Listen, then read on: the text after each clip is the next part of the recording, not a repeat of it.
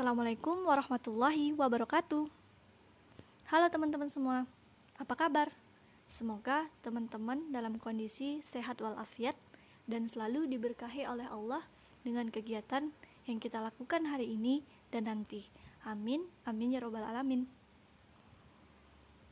Oke teman-teman, di sini aku mau sedikit sharing-sharing mengenai pengalamanku.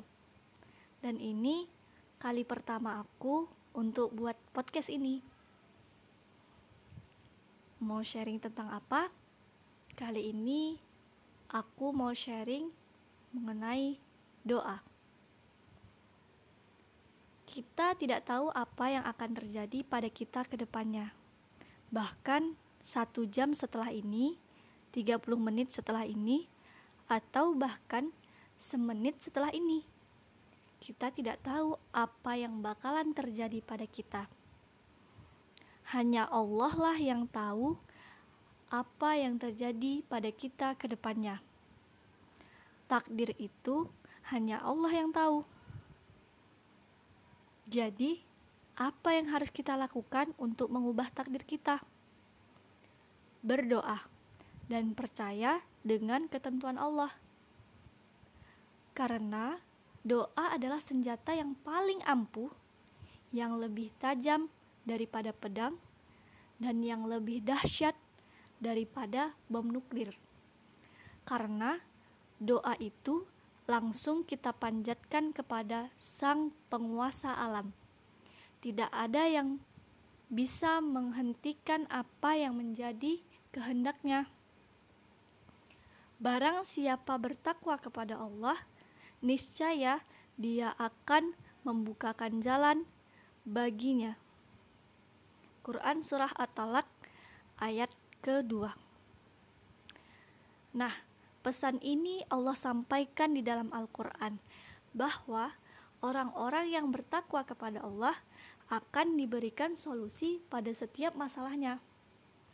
Tapi, seringnya yang terjadi pada kita kita tidak yakin dengan doa-doa yang kita panjatkan. Masih ada keraguan di dalam hati kita. Bisa nggak ya? Berhasil nggak ya? Sering seperti itu kan? Selain itu, yang sering kita lakukan adalah hanya berdoa di kala sempit, sulit, dan merasa banyak masalah. Tapi, ketika senang, ketika lapang, ketika kita bahagia, kita sering tidak berdoa kepada Allah. Kembali lagi ke masalah ketidaktahuan kita apa yang akan terjadi ke depannya pada kita. Kita paham betul bahwa takdir hanya Allah yang tahu. Kita tidak tahu apa yang akan terjadi ke depannya. Kita hanya bisa berusaha yang terbaik dan memberikan usaha-usaha terbaik, sedangkan takdirnya Allah yang menentukan. Selebihnya, kita berdoa kepada Allah dan yakin dengan takdir Allah. Rasulullah Wasallam bersabda, tidak ada yang dapat menolak takdir Allah selain doa dan tidak ada yang dapat menambah atau memperpanjang umur seseorang selain perbuatan baik. Hadis riwayat Tirmizi. Pesan Rasulullah tersebut sebaiknya kita jadikan keyakinan pada diri kita agar selalu yakin kepada Allah dan selalu berdoa kepada Allah. Karena sesungguhnya Allah akan mengabulkan doa hambanya. Pesan ini Allah sampaikan dalam Quran Surah Al-Baqarah ayat 186 selama doa-doa kita itu adalah doa-doa kebaikan. Percayalah dan yakinlah dengan doa yang kita panjatkan, karena doa kita itu pasti dikabulkan. Entah dikabulkannya segera, nanti, atau diganti yang lebih baik. Asalkan doa itu adalah doa-doa kebaikan. Serahkan semuanya kepada Allah hanya bermodalkan keyakinan kepada Allah inilah hidup kita itu akan tenang dan bahagia.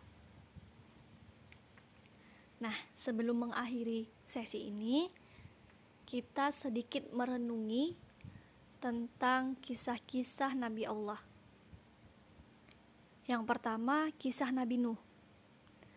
Saya yakin teman-teman semua udah pernah mendengar kisah ini. Nabi Nuh alaihissalam diperintahkan oleh Allah untuk membuat perahu. Meskipun beliau belum mengetahui apa tujuan untuk membuat perahu, tapi beliau yakin untuk membuat perahu tersebut.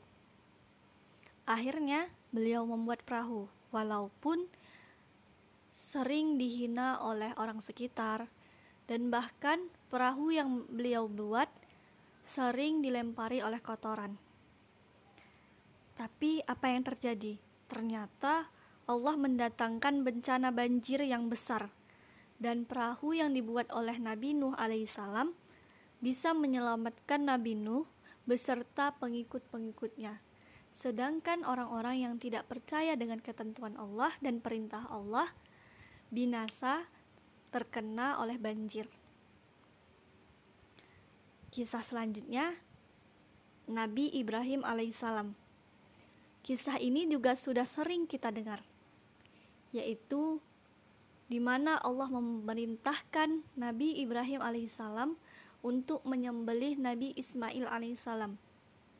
Kita tahu ya, seorang ayah diperintahkan untuk menyembelih anak laki-lakinya.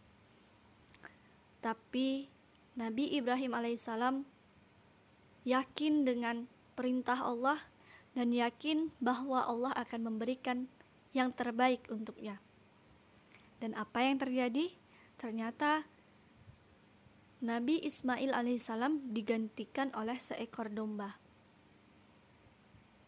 Nah, itulah bentuk keyakinan atau keimanan yang kuat kepada Allah Subhanahu wa taala. Selanjutnya, kisah terakhir yaitu kisah perang Badar. Kita sudah sering mendengar kisah ini.